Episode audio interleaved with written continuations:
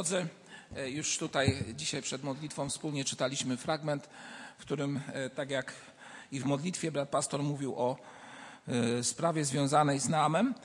I myślę, że właśnie dziś tak odczuwam, jestem przekonany o tym właśnie, aby o tej sprawie mówić, aby mówić o tym, że w Panu Bogu jest całkowite oczyszczenie i w naszym Bogu jest prawdziwe przebaczenie,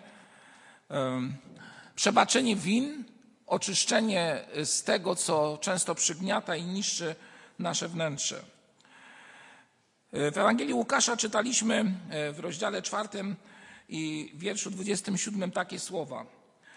I było wielu trędowatych w Izraelu za Elizeusza, proroka, a żaden z nich nie został oczyszczony, tylko Naaman, Syryjczyk. E, to taka historia, która jest jedną z historii chyba najlepiej, albo przynajmniej bardzo dobrze znanych e, w Starym Testamencie. I myślę, że wielu z Was tą historię e, kojarzy i, i zna bardzo dobrze. Ale myślę też, że właśnie ta historia, starotestamentowa historia, jest jednym z najlepszych obrazów pokazujących, co może Pan Bóg kiedy objawia swoją moc. Co może Pan Bóg uczynić, kiedy przebacza człowiekowi i oczyszcza go od wszelkiego grzechu, od wszelkiej choroby?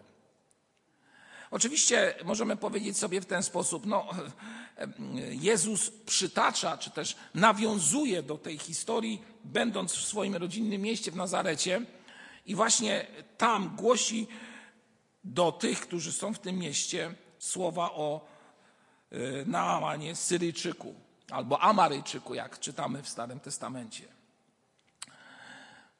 Dlaczego? Dlaczego akurat Jezus ten przykład podał y, do tych ludzi, którzy go słuchali?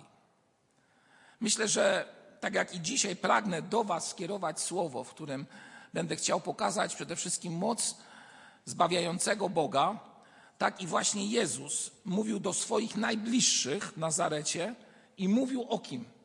Mówił o Naamanie, który e, w sposób szczególny został przez Boga wyróżniony, a ci, którzy mieli dostęp do Bożej mocy, którzy mogli czerpać z niej, albo czegoś nie potrafili zrozumieć, albo jak tu jest tak dosyć dosadnie powiedziane, żaden trendowaty, a było ich wielu w Izraelu, nie został uzdrowiony.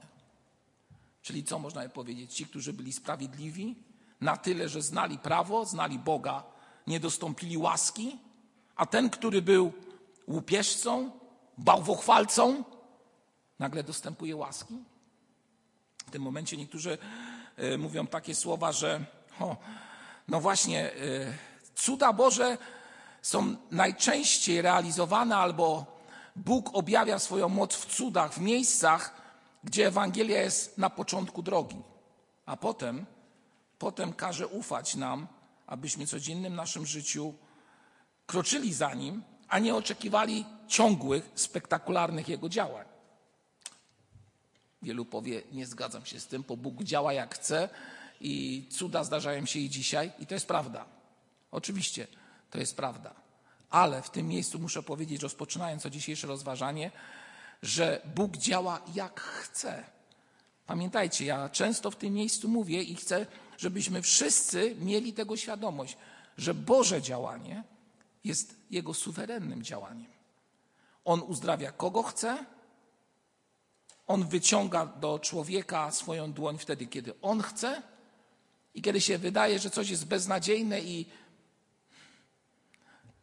wieszczy się koniec danej sytuacji, Bóg bardzo często przez swoją dłoń pokazuje swoją moc. Pokazuje swoją moc.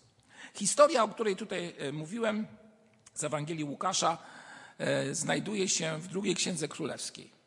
Druga księga królewska i w rozdziale piątym znajdujemy historię, e, do której nawiązał nasz Pan Jezus Chrystus. Jeżeli mamy Słowo Boże, otwórzmy, a jeżeli nie, to zachęcam, abyśmy wspólnie śledzili ten fragment, który jest e, tutaj przed nami.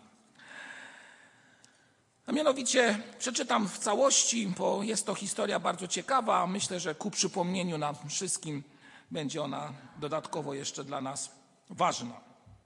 Piąty rozdział. A Naaman, dowódca wojsk króla Aramu, był mężem znamienitym u swego pana i wielce poważanym, gdy przez niego pan dał zwycięstwo, gdyż przez niego pan dał zwycięstwo Aramowi. Lecz choć tak potężny rycerz, mąż ten nabawił się trądu.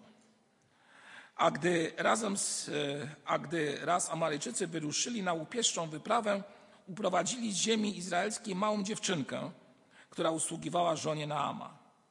Pewnego razu rzekła ona do swojej pani: Ach, gdyby to mój pan zetknął się kiedy z prorokiem, który mieszka w Samarii, to by go wnet uleczył z trądu. I tak co jakiś czas będziemy powracać do tekstu, a teraz jeszcze skłońmy na chwilę nasze głowy i poprośmy o błogosławieństwo na to rozważanie.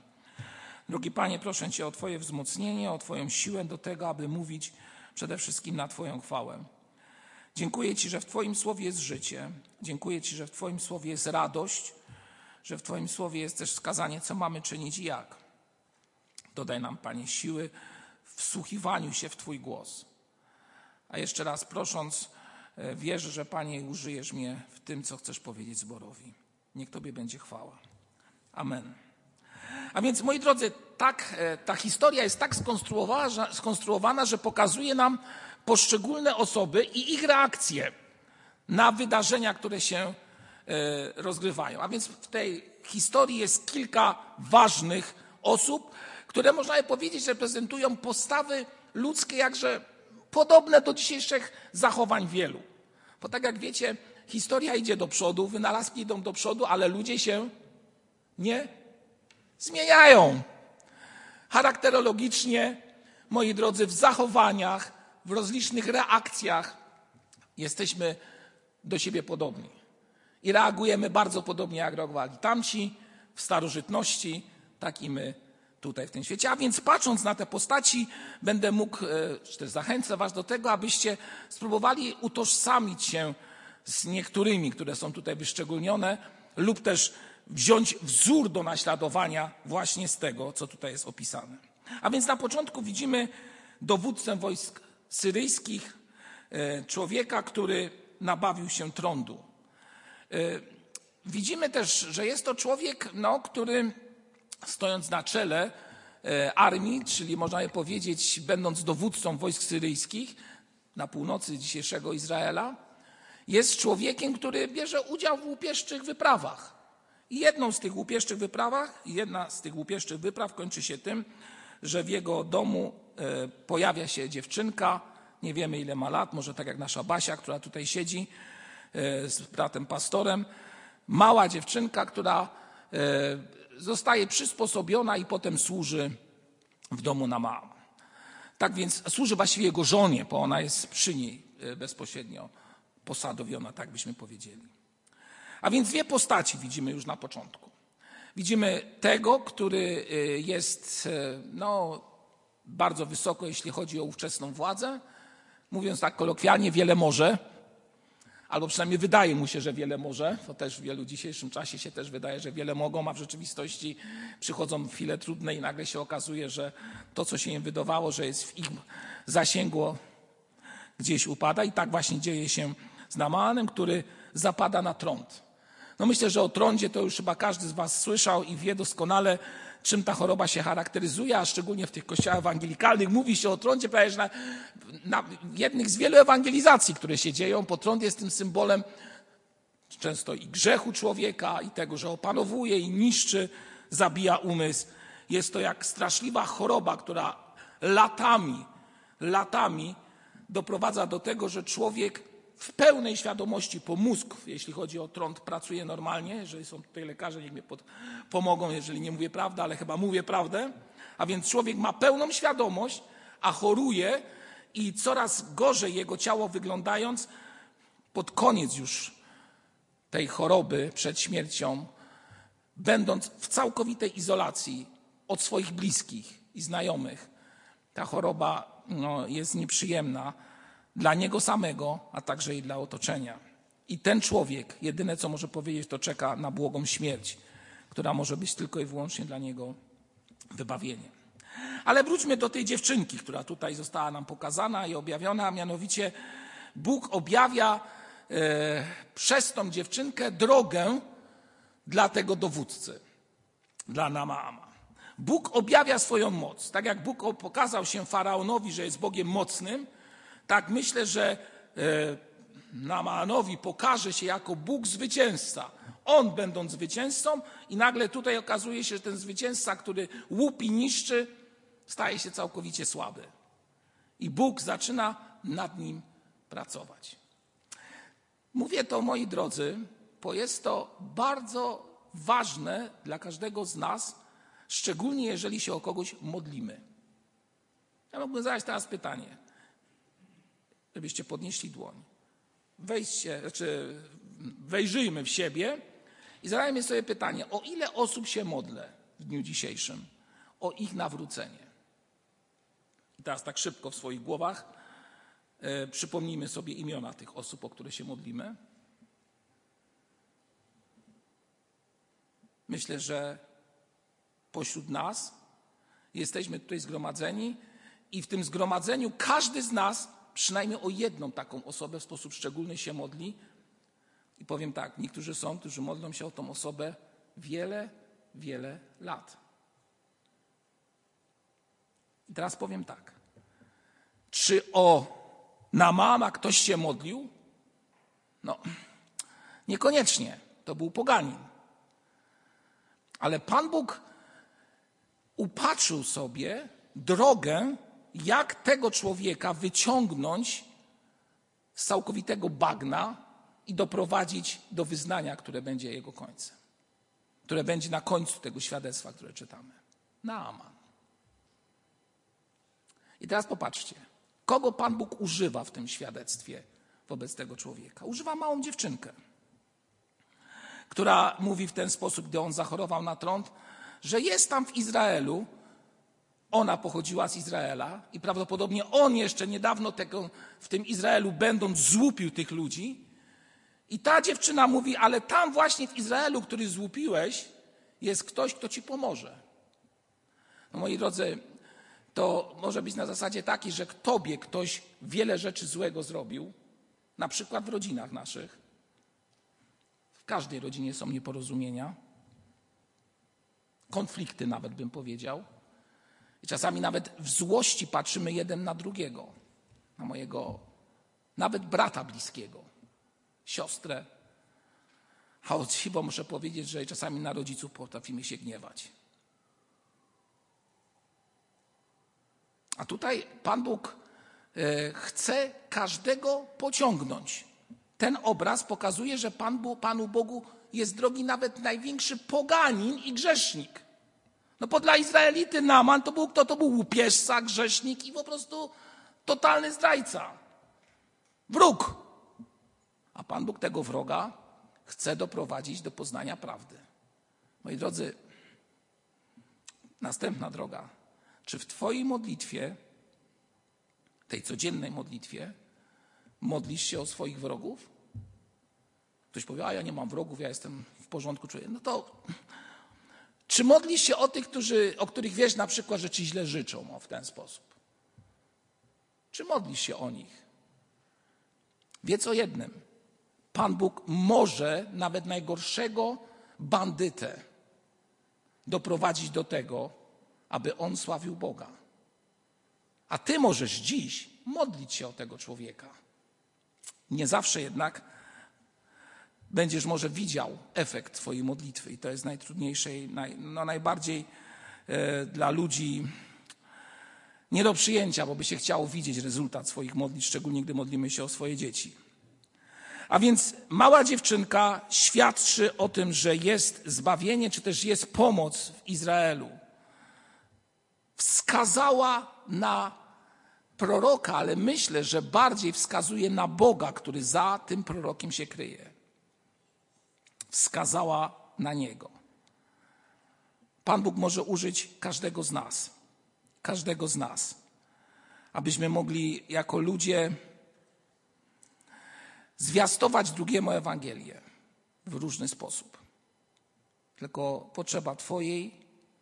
otwartości. Ja zadałem sobie pytanie, no jak to jest możliwe, że ta mała dziewczyna e, po pierwsze miała odwagę, aby powiedzieć o tym, że tam w Izraelu jest pomoc, to po pierwsze. Po drugie, jakaż musiała być siła wypowiedzi tej małej dziewczyny, dziewczynki, że ten, który staje na czele wojsk, przyjmuje to, co ona powiedziała. I jak czytamy w czwartym wierszu, Naman poszedł i oznajmił swojemu panu, tak, tak, mówiła dziewczynka, która pochodzi z ziemi izraelskiej. Co było w tej małej dziewczynie, że potrafiła nakłonić do takiej drogi, można powiedzieć, Naama? Co było w tej małej dziewczynce? Że miała siłę nie zapomnieć o tym, co nauczyli jej, ją, jej rodzice, bo tak trzeba założyć. Często mówi się, że Polska stoi tradycją rodziców. I tradycja w naszym narodzie jest związana z wiarą naszych rodziców. Wyssaliśmy wiarę z mlekiem matki, niektórzy mówią. Pytanie, jaką wiarę wyznaliśmy? Czy wyznaliśmy wiarę w Boga i w Jego moc działającą? Czy w tradycję, może i kulturę i też inne rzeczy, które są ważne? Ale ta dziewczyna wskazuje na Boga, że w Nim jest prawdziwie zwycięstwo, w Nim jest pomoc. Przyspieszmy trochę, a mianowicie Naman, który y, otrzymał tą informację, Y, przyjmuje ją, myślę, że jako akt bez desperacji, albo też po prostu ciągnięty przez Boga, bo tak jak powiedziałem, Pan Bóg może użyć różnych ludzi, może użyć ciebie w jednym słowie, jednym zdaniu, możesz doprowadzić do tego, że ktoś mówi, a może faktycznie ten drugi ma rację i pójdziesz za tym głosem, tak jak właśnie ten człowiek, który był chory na tron, mówi, no nie mam żadnej nadziei, więc trzeba spróbować, może tutaj się uda, tak ktoś by powiedział, a więc idzie, mówi o takiej sytuacji, król Aramu, wróg Izraela, tak trzeba powiedzieć, wróg Izraela, mówi w ten sposób: jedź tam, ja zaś poślę list do króla izraelskiego. Wyruszył tedy, wziąwszy z sobą dziesięć talentów srebra i sześć tysięcy złotych, monet i dziesięć szat na zmianę. I przyniósł list do króla izraelskiego tej treści. Gdy ten list dotrze do ciebie, to wiedz, że to ja wysłałem do ciebie Namaama, mojego sługę, abyś go uleczył z jego trądu. No tutaj pojawia się kolejna, pojawiają się kolejne dwie postaci, a mianowicie król Aramu, król syryjski, prawdopodobnie Ben-Hadad, to jest IX wiek przed naszą erą, bo to jest postać historyczna. No i pojawia się drugi, druga postać, a właściwie w tej naszej już relacji, już czwarta właściwie, to jest nie kto inny, tylko Joram, król Izraela który otrzymuje list, no byśmy powiedzieli swego rodzaju zaczepkę, tak on to mógł odebrać. No co ten człowiek wysyła do mnie swojego dowódcę wojsk i, i mówi, żebym ja dokonał jakiegoś uzdrowienia? No dziwne rzeczy się zaczęły dziać. Ta historia w ogóle w swojej takiej fabule jest no, trudna do przyjęcia, do zrozumienia nawet. Jak to jest możliwe, że ktoś coś w tamtych czasach, gdy dane kraje są w stanie wojny. Joram, tak jak czytamy, król e, Izraela, przeczytał ten list, siódmy wiersz, rozdarł swoje szaty i rzekł, czy ja jestem Bogiem, aby śmierć zadawać i życiem obdarzać, że tamten przysłał do mnie, aby uleczył człowieka z jego trądu? Zastanówcie się tylko i zobaczcie, czy nie szuka zaczepki ze mną. Czy nie szuka zaczepki ze mną? Jak zareagował król, król izraelski, którego imię brzmi Jahwe, jest dostojny, który, można je powiedzieć, z namaszczenia Boga powinien wskazać na Boga, tak jak ta mała dziewczynka, która nauczyła się od swoich rodziców, bo tak trzeba powiedzieć, wiary, a Pan Bóg wykorzystuje ją. A tutaj król Izraela mówi: Ja coś mogę? Czy ja coś mogę? Rozdziera nawet szaty. Mówi: Nie, nie, ja nie, w żadnym wypadku nie jestem w stanie nic uczynić. Moi drodzy, to jest kolejny, kolejna lekcja dla mnie i dla każdego z Was. Mianowicie niewiara, że u Boga wszystko jest możliwe. Ja się sam przyznaję Wam, bijąc się w pierś, czasami mam takie sytuacje, które dzieją się wokół mnie, w których mówię, nie ma szans. I zachowuje się jak ten król, który rozdarł szaty i zamiast wskazać na proroka, którego znał, albo jeszcze inaczej powiedzieć, w Bogu jest nadzieja, to on pyta, czy on jest Bogiem, aby coś mógł uczynić? To tak jak ja mówię czasami o sobie, czy ja jestem w stanie cokolwiek zrobić? Po ludzku nie jestem w stanie nic zrobić, moi drodzy. Po ludzku nie jesteśmy w stanie nic zrobić. Możemy nawet szaty rozdzierać. Jedyne, co możemy zrobić, to przyjąć przykład tej małej dziewczynki, która co zrobiła? Wskazała kierunek. Gdzie należy szukać pomocy? Jeżeli nie mamy siły, to przynajmniej wskaż i powiedz, gdzie należy szukać pomocy. Gdzie, na, gdzie jest ta pomoc, gdzie jest rozwiązanie trudności człowieka. Na szczęście pojawia się w tym wszystkim Elizeusz, mąż Boży, ósmy wiersz. Dotarła wieść, że król izraelski rozdarł swoje szaty, posłał do króla i kazał mu powiedzieć, dlaczego rozdarłeś swoje szaty. Niech tamten przyjdzie do mnie i dowie się, że jest prorok w Izraelu. Że jest prorok w Izraelu. I tutaj pojawia się postać kolejna, Elizeusza. Wielkiego proroka, myślę, że jednego z większych, działającego około 60 lat. Nie wiem, czy wiecie, że za Elizeusza dokonały się wielkie cuda. Mianowicie ten wielki prorok w Izraelu czynił naprawdę wielkie rzeczy jako uczeń Eliasza, który prosił Eliasza, aby dał mu dwie części z ducha, kiedy Eliasz odchodził. To on między innymi rozdzielił wody Jordanu, zaopatrzył Jericho w wodę, dał oliwie wdowę, oliwę wdowie, doprowadził do tego, że dziecko zostało uzdrowione, wskrzesił z martwych, nakarmił stu wojowników chlebami. No, człowiek niepospolity. Ale król izraelski niekoniecznie był zainteresowany tym człowiekiem.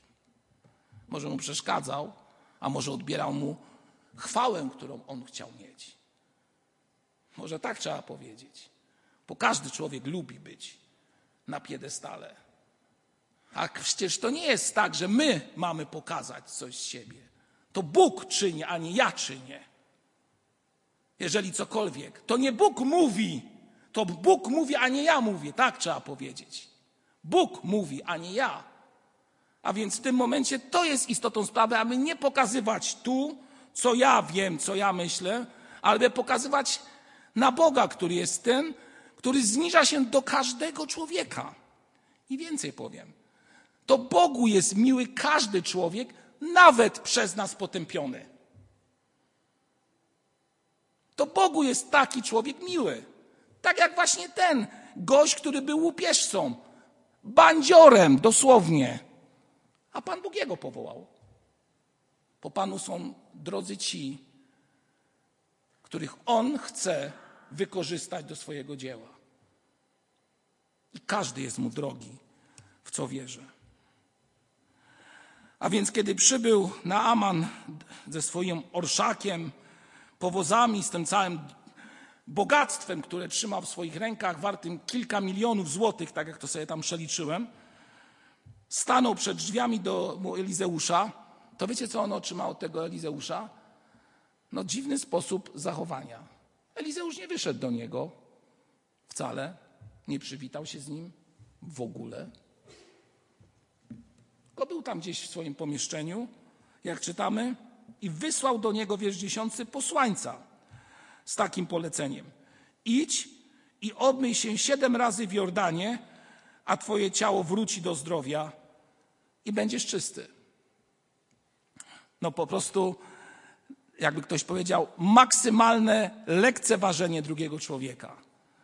Maksymalnie go zlekceważył, w ogóle potraktował go jak jakiegoś, byśmy powiedzieli, oczywiście patrząc na ten fragment po ludzku. No, przyszedł, idź sobie, zrób, ja nie będę w ogóle z tobą rozmawiał. Ale myślę, że tu są dwie lekcje, a mianowicie Naaman, który przybył do Izraela, miał dwie choroby. Niekoniecznie tylko trąd, moi drodzy. Jak myślicie, jak nazywała się druga choroba, na którą chorował Naaman? Jak myślicie? Pycha, duma. Ja jestem kimś. Ja jestem kimś, ja coś znaczę. Znaczę w Syrii, znaczę w Izraelu, znaczę w ówczesnym świecie. Ja jestem kimś. I ten, byśmy powiedzieli, wieśniak, bo prawdopodobnie gdzieś tam na wsi był, co mi każe? Nawet do mnie nie wychodzi, tylko mówi: idź, obmyj się w rzece. I tutaj rozpoczęło się Boże leczenie drugiej choroby tego człowieka. I powiem Wam, że na tą drugą chorobę wielu z nas choruje.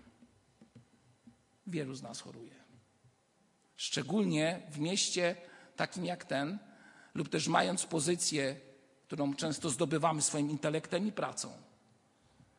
I nagle okazuje się, że zaczyna mi się wydawać, albo moja podświadomość mi mówi, hmm, w sumie to ja coś znaczę.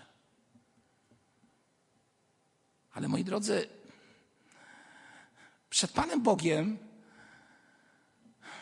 w kontekście tego, co, do czego zmierzamy, jaki jest koniec naszego życia, to nawet jeżeli mi się wydaje, że ja coś znaczę, to jedyne, co Wam mogę powiedzieć, bracie, siostro, jesteś w błędzie. Znaczysz tyle, ile Pan Bóg w Tobie uczynił. I jesteś tym, kim jesteś, w kontekście tego, do czego zmierzasz i czego się uświeciłeś, a nie w kontekście tego, co tutaj masz. Bo to, co masz, może ma i znaczenie na krótki czas. A na pewno na czas wtedy, kiedy jesteś zdrowy i silny i wydaje ci się, że wszystko możesz. A potem przychodzi czas, w którym nagle uświadamiasz sobie, że tylko ci się wydawało, że wszystko możesz. Mówiłem o tym ostatnio w kazaniach po moim, mogę powiedzieć, trudnym czasie choroby. A więc oburzył się Namat i odchodząc powiedział, oto myślałem sobie, że wyjdzie, stanie przede mną, potem wezwie imię Pana Boga swojego, podniesie swą rękę nad chorym miejscem i usunie trąd. I tutaj mówi o rzekach damasteńskich, czy one nie są lepsze od Jordanu. No właśnie. I my sobie tak wyobrażamy, że przyjdziemy do jakiegoś miejsca, na tym miejscu będzie na przykład uzdrowiciel, tak, zrobi coś tam i my nagle będziemy uzdrowieni. I drodzy, i znowu bardzo istotna nauka. Pan Bóg, jeżeli chce dać uzdrowienie, to daje tak, jak On chce, a objawienie uzdrowienia związanego z tym, czy ktoś jest uzdrowiony, czy też nie, jest przede wszystkim tak, jak On chce, zgodne z Jego wolą. I wydarzenia doprowadzające do uzdrowienia też są zgodne z Jego wolą. My możemy prosić. Możemy prosić starszych, aby przyszli, aby modlili się, tak jak czytamy w liście Jakuba, nad nami. Możemy bojować w modlitwie, poszcząc o drugiego człowieka. Możemy wiele rzeczy. Ale pamiętajmy o jednej sprawie, że uzdrowienie z choroby fizycznej, jak i duchowej daje tylko i wyłącznie Pan Bóg, bo On ma najlepszą drogę uzdrowienia. I teraz pojawiają się kolejne osoby, a mianowicie doradcy. Słudzy tego wielkiego wojownika, trzynasty wiersz, przystąpili do niego, kiedy on już chciał odchodzić i mówić, co tam będę wieśniaka słuchał. Oni mówią do niego, ojcze, gdyby prorok nakazał ci coś trudnego, czy nie uczyniłbyś tego? Trzynasty wiersz. Tym bardziej więc powinieneś to uczynić, gdy ci powiedział, obmyj się, a będziesz czysty. I tutaj popatrzcie, y, w tym, tej drodze uzdrowienia nastąpiła, nastąpił pierwszy krok związany z chorobą, która nazywa się duma i pycha. Ten człowiek widocznie widział, że jest tak źle, że mówi: No, cóż mi szkodzi, a może faktycznie powiedział: Zrobię to. I tak jak czytamy, następuje uzdrowienie ciała tego człowieka. I co jest też ważne, on mógł być uzdrowiony i sobie wrócić do Aramu i nic by się nie stało. No przecież Elizeusz nie chciał rozmawiać. Jak to się mówi, jak to ktoś powiedziało, mógł czpychnąć. Moje do widzenia. To tak jak czasami coś nam ktoś daje, a my nawet nie jesteśmy, nie mamy woli, aby podziękować temu komuś za to, co on dla nas uczynił. Oj, spotkałem wielu takich ludzi w swoim życiu. Otrzymali, nie podziękowali. Dlaczego nie podziękowali? Oni wiedzą. Najgorzej, jak nie podziękowali Bogu w ogóle, bo tam człowiek to jeszcze pal licho, ale jak Bogu nie podziękowali za to, co od Niego otrzymali? Moi drodzy, historia zmierza ku końcowi i pokazane jest, że ten mąż jednak wraca do męża Bożego, czyli do Elizeusza wraz z całym orszakiem. Przyszedł tam, stanął przed nim i rzekł, oto teraz wiem, i to jest wyznanie wiary. Chyba jedno z najlepszych i najsensowniejszych wyznań wiary, które może człowiek wypowiedzieć w swoim życiu. Oto teraz wiem, że nie ma na całej ziemi Boga, jak tylko w Izraelu. Nie ma na świecie innego Boga, jak tylko Bóg, który jest Bogiem Izraela. To jest wyznanie, że ten bałwochwalca, ten, który wiele rzeczy czynił złych, zrozumiał, że to nie Elizeusz go uzdrowił, bo on nawet do niego nie wyszedł. I może dlatego właśnie Elizeusz do niego nie wyszedł. Nie dlatego, że był właśnie tym, kim on sobie tylko może dlatego do niego nie wyszedł, aby ten zrozumiał, co jest istotą uzdrowienia. Że istotą uzdrowienia jest Bóg, a nie człowiek. A my często chcemy, żeby ludzie byli tymi uzdrowicielami. A to nie jest tak, moi drodzy. To Bóg uzdrawia. I tylko Bóg uzdrawia. I tylko w Bogu jest uzdrowienie. Zarówno duchowe, jak i fizyczne.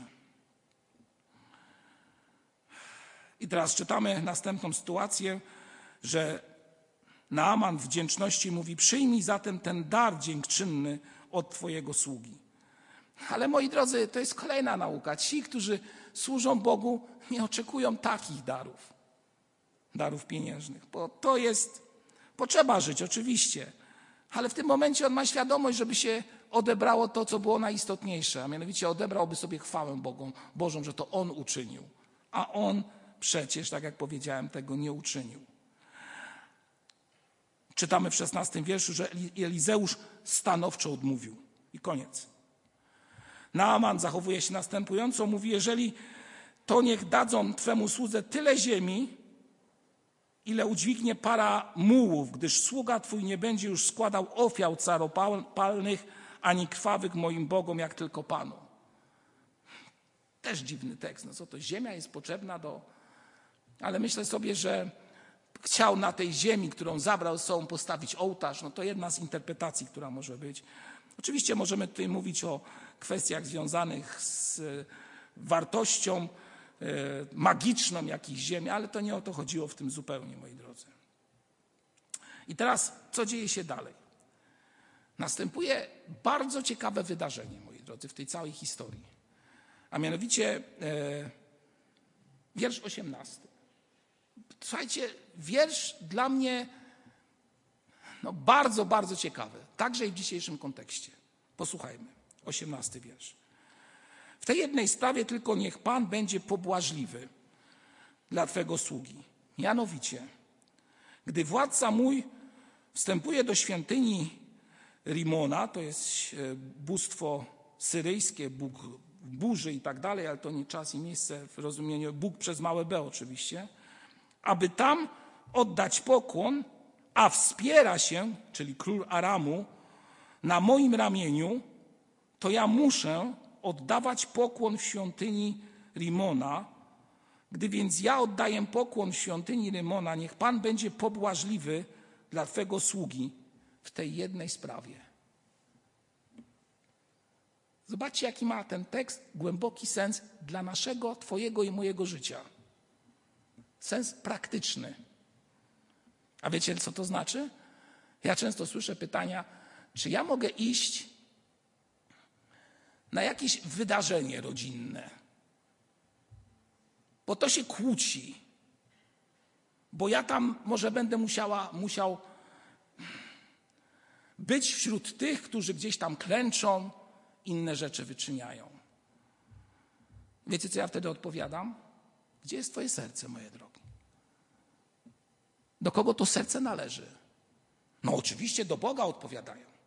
No to uwielbiaj Pana Boga.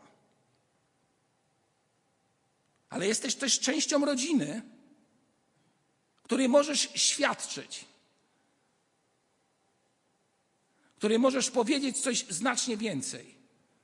A jak będziesz izolatorem,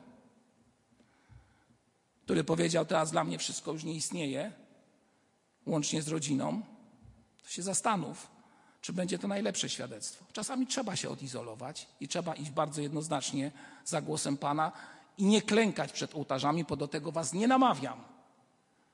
Ale jeżeli w rodzinie jest ślub, pogrzeb, to nie bądźmy dziwakami, moi drodzy. No po prostu nie bądźmy dziwakami, moi drodzy. No. Tak jak kiedyś mówiłem Wam o wydarzeniu, które się stało udziałem mojej rodziny, moi sąsiedzi, przypomnę je, mieli trudności, aby dokonać, tak to określę, chrztu czy też pokropienia w rozumieniu Kościoła rzymskiego swoich dzieci, gdyż małżeństwo było już drugim związkiem. Ale udało się. Dokonało się to wydarzenie. Ale co się stało? Nikt z rodziny do nich nie przyjechał. Dlatego, że byli uznani za tych, którzy coś tam przestąpili. I wiecie, co oni zrobili? Zaprosili nas na to wydarzenie. Nawet nie do kościoła, tylko do swojego domu. No i można powiedzieć, no co ja będę celebrował z nimi to, czego nie uznaję? Ale poszliśmy z żoną. I właśnie na tym wydarzeniu, wiecie co robiliśmy? Czytaliśmy Słowo Boże. Mówiliśmy o tym, co Słowo Boże mówi na pewne sprawy. I to nie ja musiałem mówić, tylko oni sami pytali. Pan Bóg używa różnych sytuacji w Twoim życiu. Bardzo różnych. Ty masz być gotowy wskazać na Chrystusa. Mała dziewczynka wskazała na Chrystusa, na Boga, który teraz objawia się w Jezusie Chrystusie. Czyli wskazała na tego, który jest, którym go jest prawdziwie zwycięstwo, którym jest prawdziwe zwycięstwo. Elizeusz wskazał na kogo? Na Boga. I dokonało się zwycięstwo. I wiecie, co mówi Elizeusz, kiedy ten mu zadał to pytanie związane z tym, czy no jak będzie w takiej niekomfortowej sytuacji z tym królem, Elizeusz wcale mu nic złego nie powiedział. Dziewiętnasty wiersz mówi, wtedy rzekł do niego Elizeusz, idź w pokoju, bez komentarza. Idź w pokoju. Dlaczego? Pomyślę sobie, że Elizeusz już widział, że w tym człowieku nastąpiło uzdrowienie duchowe, a także i fizyczne. I on już należał do kogo? Do jedynego Boga. Po jego serce i umysł były odmienione. Jego serce i umysł były już odmienione. Dlaczego? Dlatego, że zawierzył Bogu, stał się głupi, kąpiąc się siedem razy w rzece. To tak jak często ludzie tutaj mówią o naszym baptysterium, no nie no, stary gość, jakiś wariat, no moczy się na starość w szatach przed ludźmi. No, no to, to wariactwo. No tak mówią o chrzcie niektórzy, moi drodzy. No. no wchodzi do, stary człowiek do wody, no, no to nie, no to jakaś głupota. No. Moczyć się, jeszcze przed ludźmi się moczyć, tak? Ale dlaczego się ktoś moczy? No dlatego, że Pismo Święte o tym mówi i ten ktoś chce być posłuszny. Dlaczego siedem razy zamoczył się Naaman? Bo chciał być posłuszny temu, co usłyszał od Boga. No. Dlaczego nie chcemy być Bogu posłuszni? Po co, po, po co ludzie powiedzą? Ktoś powie, a no on był chory na trąd, więc on był w sytuacji beznadziejnej, trąd go miał zabić, to była jedyna szansa na uzdrowienie. No to ja wam powiem, moi drodzy, to kieruję do tych, którzy jeszcze nie są zbawieni, w sensie takim, że nie dokonali jeszcze wielu spraw związanych z tym, co Pismo Święte mówi, no moi drodzy, zachęcam Was, tak po prostu, bądźcie posłuszni Bogu. Po prostu, bądźcie posłuszni Bogu. Tylko tyle, nic więcej.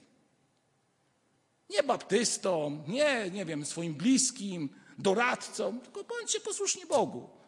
Jeżeli Bóg mówi coś do Twojego serca, to bądź mu posłuszny. Warto. Naprawdę warto. To zrobił Naaman. idź w pokoju. I czytamy w dziewiętnastym wierszu, a gdy odszedł do niego kawał drogi, pojawił się dziwny człowiek. Ten dziwny człowiek to był Gehazi, sługa Elizeusza, czyli kombinator, który wyłudził pieniądze. To był błąd, bo diabeł zawsze będzie działał przeciwko szczerej wiary, człowiek, szczerej wiary i wyznaniu, które dokonało się w sercu tego człowieka. Jak będzie działał? Tak, aby odciągnąć od prawdziwego oddawania chwały Bogu. I gdy wyłudził od Naama pieniądze, a usłyszał o tym Elizeusz, jedyne co się stało, to to, że Elizeusz otrzymał, można by powiedzieć, to, co zostało zabrane. Zostało zabrane Namaanowi, czyli trąd. Dlaczego? Dlatego, że on odebrał chwałę Bogu. Nie odbierajmy chwały Bogu, która się tylko Jemu należy, przez to, że ja coś zrobiłem, że ja coś uczyniłem, że ja coś powiedziałem. Zawsze i tylko Bogu oddajmy chwałę.